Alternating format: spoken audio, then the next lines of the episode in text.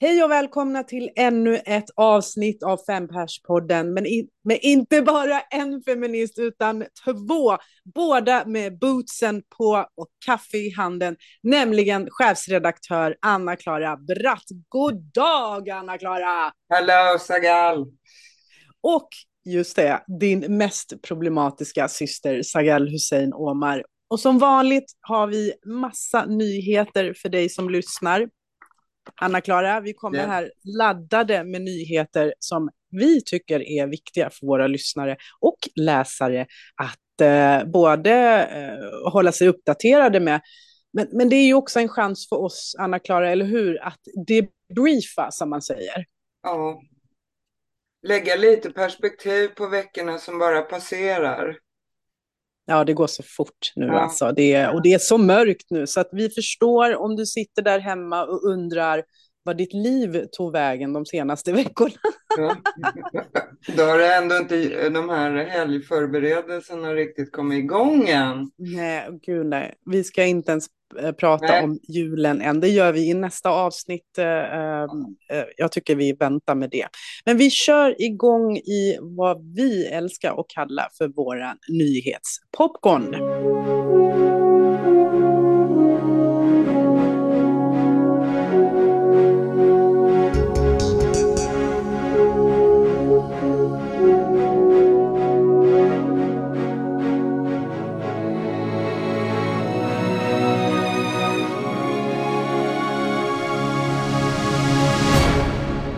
Och Anna-Klara, vi börjar med Twitter denna veckan, tycker jag. Ja, vi börjar med Elon Musk.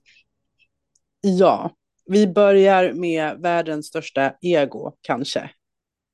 Ja, världens största ego som då Elon Musk, som då får ett väldigt inflytande för till exempel feminister som vi är. Eh, och eh, det är du som har skrivit en krönika här och för mig är det ju vardagen och vad, vad vi tar vägen, våra kanaler tar vägen. Men det är ju helt enkelt så att Elon Musk då, som du säger, ett av, ett av världens största egon i alla fall, har ju köpt Twitter och börjat röja runt och har sedan förra månaden varslat mer än hälften av personalen. En del fick gå hem på stående fot. Eh, det är hela avdelningar, eh, team och dessutom är det ju då de här teamen som har arbetat med moderering. Och det här försöker ju Elon Musk eh, göra till att han tar en fight för det fria ordet och det för hans del innebär att knäppa på alla avstängda konton. Så som vi har jobbat för moderering från början när vi startade Feministiskt perspektiv, då fanns ju inte ens moderering. En av dem som eh, har fått tillgång till Twitter igen är Donald Trump. Jag var dock inne och tittade precis, han har inte twittrat än. Nej, precis. Han ehm. vill kanske inte lämna sin egen döende kanal. Nej, det ska ju bli lite spännande att följa ändå. Men sista tweeten är från januari 2021 när han då till sist stängdes av. Det här är ju en rättsprocess i USA. Hans inblandning i eh, stormningen av Kapitolium och så vidare. Sen är det en rad andra konton som du har hittat här. De här kanske värst, mest förfärliga, men eh, eh Jordan Peterson, Andrew Tate, eh, Steve Bannon och så vidare och så vidare. Eh, Alex Jones, alla de här kontona är nu på igen. Mm. Inte ja. Alex Jones, det är den enda av dem som Musk själv har eh, citerat ja, i, det, nyheter att han är inte välkommen. Och mm. den senaste veckan, men Kanye West, eller Jay som han heter nu, han fick ju komma tillbaka. Mm. Eh, ja. Men så har han ju nu de senaste bara dagen haft en intervju med Alex Jones. Det här är bara en, en liten sidonot ja, här. Ja, och blivit avstängd för, från Twitter igen då. Så att det, ja, där finns en lista på det, och det sjuka är AK att de flesta av dem som har varit avstängda, jag har varit inne och kollat eh, varför, det mm. är oftast bara hatretorik. Liksom. Ja. Det är nästan aldrig något annat. Det är bara så här, eh, rasism och fascism. Och, Men vad och tror liksom. du då? Ska han nu själv sitta och avgöra vem som blir av? Ingen vet. Ja, men vi har ju, alltså, eh, varför Donald Trump kom tillbaka, det var ju för att Musk höll en omröstning, han fria ordets man här på Twitter, mm. och, och, med en knapp majoritet fick han komma tillbaka. Eh, och vad det gäller amnesti för alla de andra höll han en liknande omröstning. Så det är ungefär den, det vi vet om hans process här.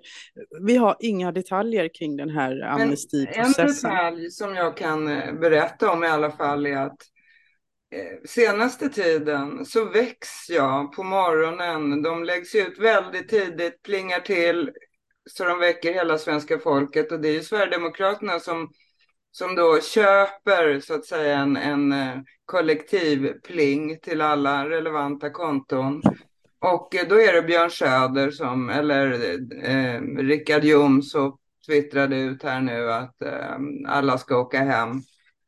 Eh, åk hem, skrev han bara, apropå flyktingar. Och eh, jag har varit tvungen att jobba med det här i veckan. Att hur gör man för att slippa de här plingarna som av, av notifikationer man inte har bett om? Ja, det ena är att att en, endast använda webbappen, men det går ju inte för oss som är en tidning och har flera konton.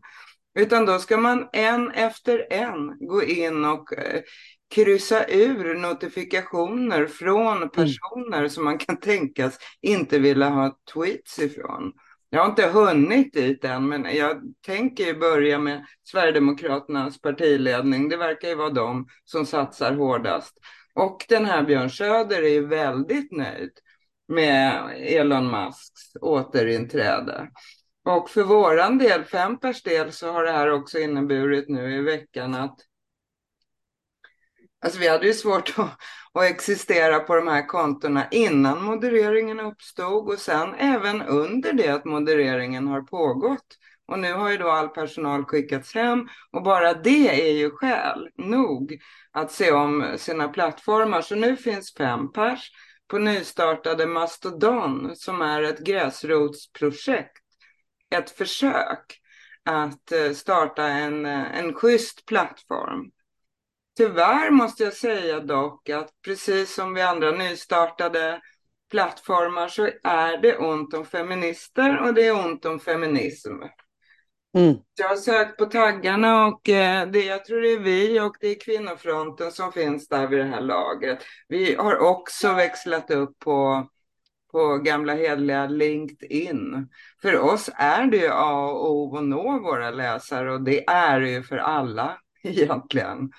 Om mm. du så är en eh, influencer. Så att vi följer det här med spänning och ehm, eh, ja, följ oss gärna på de här nya plattformarna för vi vet ju inte Eh, vi har ju hela tiden blivit eh, anmälda och fulanmälda och avstängda och det är ju för att vi skriver om sådana här konfliktskapande ord och abort och feminism och sånt. Och det lär ju inte bli bättre för oss nu då när modereringen släpper.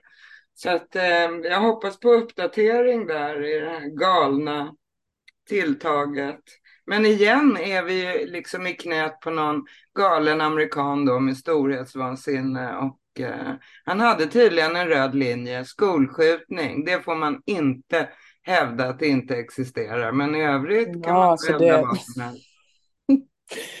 Det finns en liten smär skillnad då mellan Twitter och 8chan eh, eller vad det nu kan vara då. Eh, men så här är det, ehm, ja, vi får väl se vad det här stora egot som sägs har en storslagen plan. Han har också eh, twittrat att han är den enda som kan rädda Twitter. Ja. Vi får se. Ja. Det, det återstår att se. Mycket har hänt i alla fall. Se, vi får se. Det är tur att vi har varit med länge ändå, så att vi har en plan. Vi skiftar från Twitter. Hörni, hör gärna av er om ni har märkt av hur ert flöde kanske har förändrats den senaste månaden. Eh, men vi eh, kör vidare till nästa nyhet skriven av vår alldeles egna Kristin Sandberg, redaktionschef på Fempers Nyheter.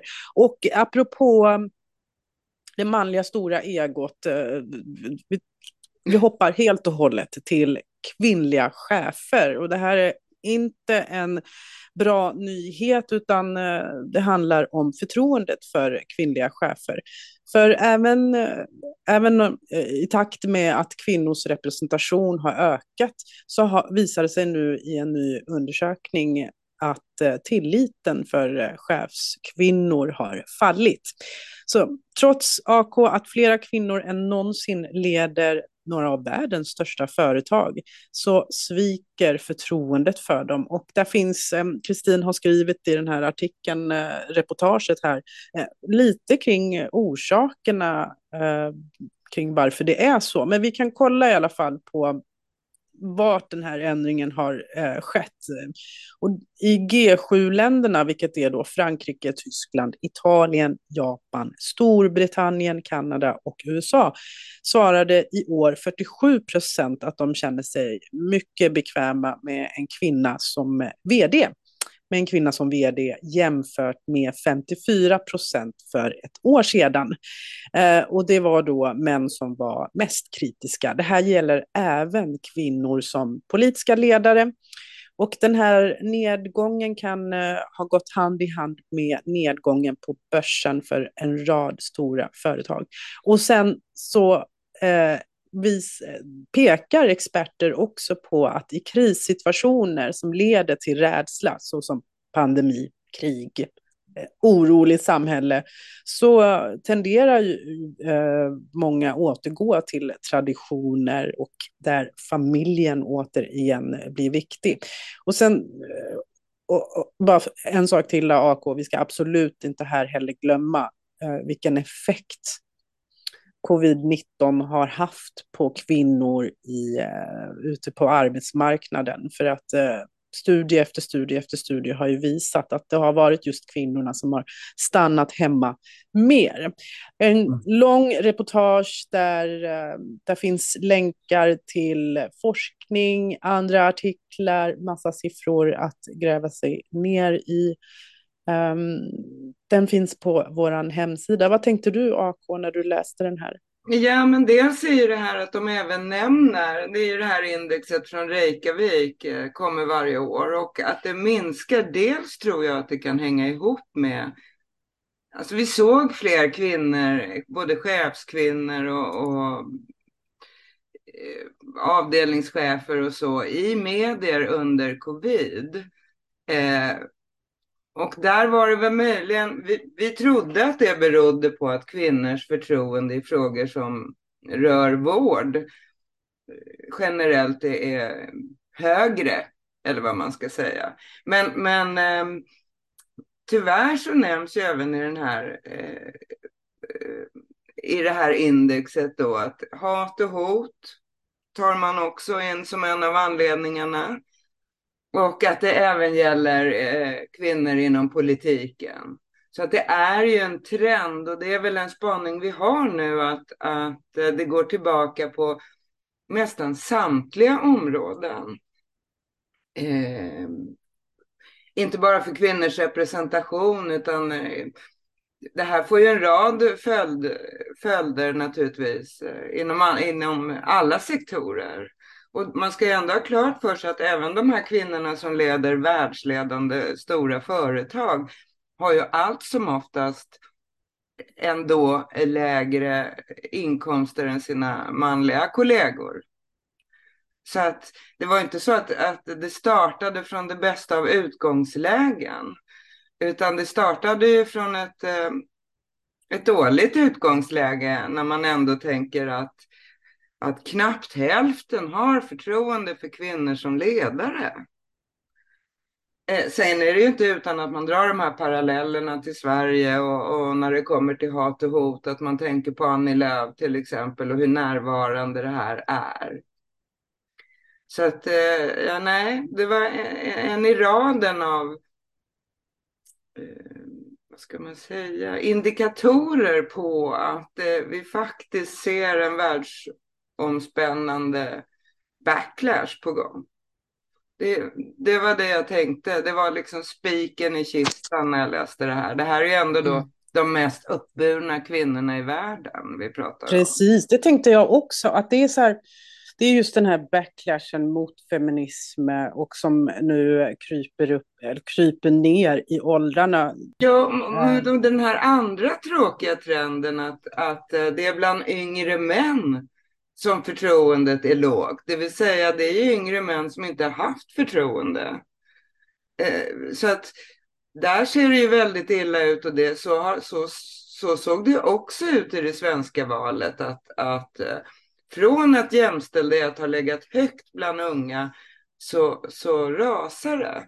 Och sen, eh, hon fräser ju till här, vdn för eh, Kantar Public, Michelle Harrison heter hon eh, Eh, som menar att om vi på nationell nivå ska diskutera huruvida kvinnor ens ska få ha kontroll över sin egen sjukvård, vad kan du förvänta dig i övrigt?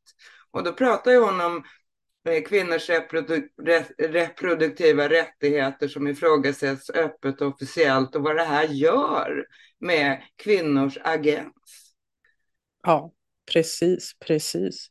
Ehm, um, AK, jag um läser här att vi ska gå vidare på en satsning som regeringen kom ut med här den senaste veckan. Ja, för det första vill jag genast berätta då att förra fredagen, vi tar ju två veckors svep här lite grann, och förra veckan sent på eftermiddagen, det var då den 25 november.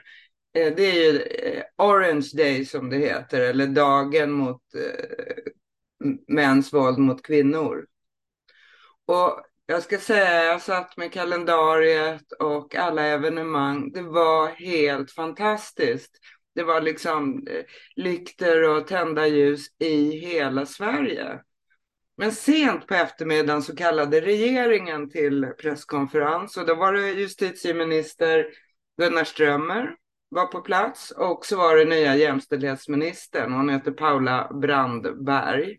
Pauli, Paulina heter hon, Brandberg. Och vi vet alla ju som jobbar med media att om man har presskonferens sent på en fredag då är det något man helst vill fejda ut med när veckan slutar. Och eh, jag måste också säga att både Kristin Sandberg och jag, vi följde den här presskonferensen live, konstaterade att det var inte en fråga i plenum där. De annars så frågvisa reportrarna som jobbar i riksdagshuset, de hade inga frågor på detta. Men vad de ville presentera, det var då nya regeringens satsningar på mäns våld mot kvinnor. Och de försöker ta ett nytt tag. Eh, bland annat genom att riva upp, det pågår, det, det pågår en utredning och har gjort eh, under en tid och nu river de lite utredningens uppdrag och naturligtvis så är det repressiva eh, alltså tvångsmedel och repressiva åtgärder. En del är bra. Eh, jag ska säga att eh, Olga Persson från Unison, kvinnojouren Unison, hon var generellt positiv och reagerade väldigt snabbt trots att det då var kvart över fem på fredag eftermiddag. Och hon, eh, hon välkomnar, hon, hon menar i stort sett att vi kan ta nog eh, tvångsmedel. Hon drar ju också den här parallellen till att eh, det ska vara hårdare tag i övrig kriminalitet i samhället. Och det är väl på den bogen det här ska förstås då, att regeringen kvart över fem ändå har lite att säga om det här. Och det hon välkomnar bland förslagen det är ju att för det första att man ska utöka eh, det geografiska kontaktförbudet. Och det ska jag säga, det välkomnar jag också. Det handlar ju om till exempel att kontaktförbud skulle kunna råda i en kommun. Vi vet ju att det är kvinnor som ska flytta vid, vid våldsamheter eller som ska gömma sig och, och så vidare. Och sen så ska de ändå vara rädda för det här som kallas eftervåld nu då, nämligen att de ständigt är förföljda och, och eftersökta. Så det välkomnas. Det välkomnas även av ROX och Jenny Westerstrand. Eh, och det ska bli högre straff om man överträder ett kontaktförbud och eh, det är också bra tycker vi. Eh, samtliga inblandade i den här artikeln och då även jag får jag väl lägga till eftersom jag sa vi. Ehm, det ska skjutas till lite medel här och där, bland annat då kvinnors organisering i förorten och det är väl också bra. Det är inga jättepengar, det är ändå 50 miljoner. Men mer pengar, eh, eh, nej det är 20 miljoner och 50 miljoner ska läggas på starkare förebyggande arbetet mot specifikt hedersrelaterat våld och förtryck. Och det här är en fråga som har delat jourer, feminister, politiska partier. Och, eh, och det handlar om, ska det vara en särlagstiftning för eh, så kallat hedersvåld? Många tycker ju inte det, utan eh, vi har till exempel intervjuat tidigare eh, Rebecca Dyson, hon är åklagare och eh, expert på de här frågorna. Och hon har menat att det enklaste sättet att inkludera hedersvåldet så det inte ramlar mellan stolarna, det är att utöka familjebegreppet i Sverige. Därför att i Sverige räknas en familj som i stort sett hustru och man. Eh, inte syskon, inte föräldrar, ingenting räknas in i det där och det där kan ju vara sammanvävt på många sätt.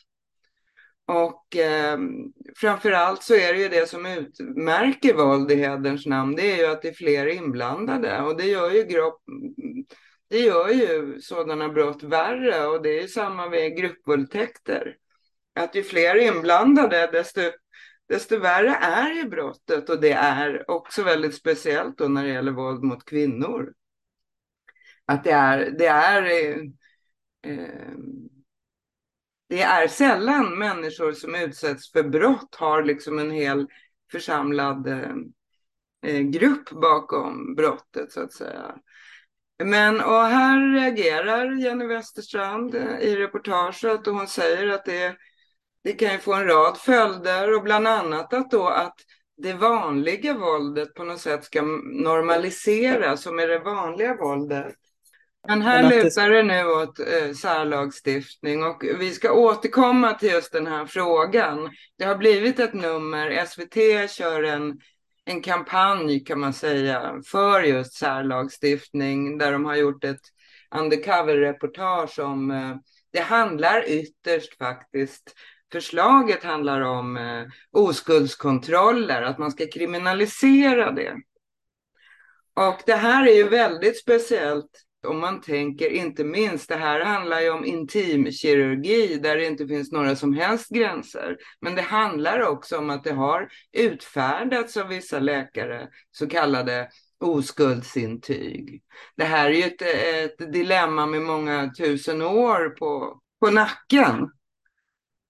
Det här är en, en, oh, myten om oskulden, den finns ju i nästan samtliga kulturer och igen är man inne på då särlagstiftning. Och det finns ju också tusenåriga metoder för att simulera en, en, en blödning från ett samlag, en blödning som egentligen då inte finns. Sen har Nalin Pekul gett sig in i debatten och sagt att det här blir liksom ännu tuffare för tjejerna. Det är bättre att de här operationerna finns. Det är alltjämt en laddad fråga, men det är också ytterligare ett steg i, i att regeringen eh, gärna vill särlagstifta, gärna vill rikta all, all, allt fokus på förorten och att problemen emanerar specifikt därifrån. Så att den här debatten lär fortsätta. Absolut. Blir väldigt upprörd på nätet mm. när hela den här serien har sänds på SVT. Jag ska faktiskt säga det, nya regeringen går vidare med tidigare regeringens försök att utreda om våld mot kvinnor ska bli ett hatbrott. Westerstrand emot det, Olga Persson är för det. Eh, ja, kan man väl sammanfatta. Mm. Men vi följer, vi, vi måste ändå säga då att den här nya jämställdhetsministern Paulina Brandberg, hon är inte helt färsk i gamet. Utan hon har följt de här frågorna och har ändå, hon är också vice arbetsmarknadsminister. Eh, så att, eh, ja, vi följer det här med spänning men tänker att presskonferensen hade kunnat komma lite tidigare i veckan. Mm. Vi får se var de här pengarna går Det var 20 miljoner till kvinnor och flickor eh, i utsatta områden och 50 miljoner totalt för att förebygga arbete mot hedersrelaterat våld och förtryck.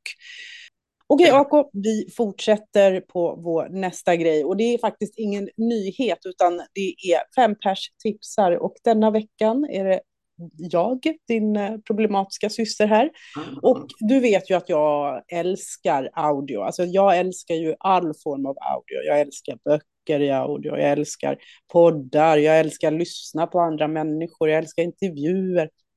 Det finns inte en enda dag där det inte är i alla fall några timmar där mina öron är aktiva. Och till dig som eh, pendlar mycket eller som är där ute och undrar vad ska jag lyssna på eh, i den här tiden där det kommer en ny podd med en ny kändis nästan varje dag. Och eh, på vår hemsida fempers.se har jag skrivit om sex poddar som jag hjärtligt verkligen kan rekommendera och som jag tycker eh, förtjänar dina öron. Jag ska inte dra dem så mycket här, eh, AK, men du, du lyssnar ju inte på så många poddar. Hade du hört något om mina tips innan? Nej, det hade jag inte, men jag blev väldigt nyfiken. Dels, dels eh, Scam Goddess ska jag lyssna på i Det tycker jag verkar jättespännande. Eh, bedrägeri. Jag ska säga att jag lyssnar på en del poddar. Men de tenderar att handla om mordet på Olof Palme. Och det, det kan jag säga att det är en ledig genre, kvinnor som pratar om mordet på Olof Palme. Så vem, vem vet? Ja, men, nej, men jag tyckte det var väldigt spännande. Det var en bra sammansättning för det var liksom både skvaller och garv och lite sorgligt och om det politiska läget och där vi befinner oss. Så det var hopp också. Och eh, överhuvudtaget var det spännande att komma in i din poddvärld tycker jag. Ja, alltså sen min... märker man ju att du gillar BBC. Är de bäst? Ja, det gör jag verkligen. Alltså, det gör jag verkligen.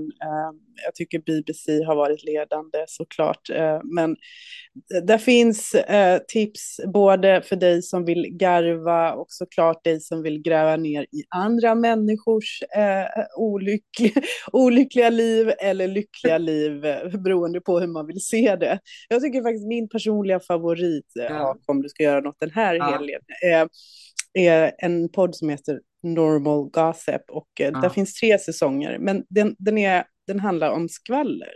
Och konceptet är väldigt enkelt. Det handlar om eh, anonyma skvaller eller anonymiserade skvaller om en vän till en vän. Och så mm. går programlederskan Kelsey McKinney igenom de här och jag, alltså jag har inte garvat så mycket på, alltså det, vi vet ju att människor är spännande och som man brukar säga, om du letar efter intriger behöver du bara eh, liksom titta på din granne.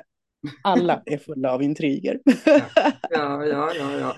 Men är det liksom, jag frågar åt en vän eller är det så att man kan misstänka att aha, det där handlar kanske om eh, prins ja, vad heter han? Charles heter han väl? Ja. Nej, det är oftast, eh, det är inte så att du vet vem det är, men, men hon går igenom eh, liksom, händelseförloppet med en gäst. Och så ställer hon alltid gästen en fråga. Vad skulle du mm. ha gjort i den här situationen? Mm. Och det kan ju vara allt från eh, liksom, arbetsplatsrelaterade affärer som får en oväntad vändning eller eh, du vet, en skandal i stickgruppen och du vet mm. hur det mm. hela liksom utspelar sig. Jag tycker sånt är spännande. Ja. Eh, men det finns också på fempers.se om du är intresserad, vilket jag tror. AK, jag tror faktiskt vi får avrunda eh, veckans podd här. Klockan är redan halv fyra här på fredag eftermiddag. Mm. Um, och eh, det är den andra december redan. Vi är inne i det här eh, juldrevet nu då. Ja, fast jag ska säga att imorgon har jag bespetsat mig för då då delar eh, Malin Björk i parlamentet och eh, Moa Svan, vår gamla sportreporter, de delar ut Alva Nilssons pris. Och jag har inte lyckats klura ut var det livesänds. Vi har skrivit om det på sidan. Jag tror det kan bli Malin Björks eh, Instagram. Vi får se. Men det går till ett fantastiskt fotbollslag, ett hbtqi-lag med ett gräsrotslag som kämpar mot fördomar och sexism inom damfotbollen. Men de har också ett engagemang i sina kvarter mot social utslagning.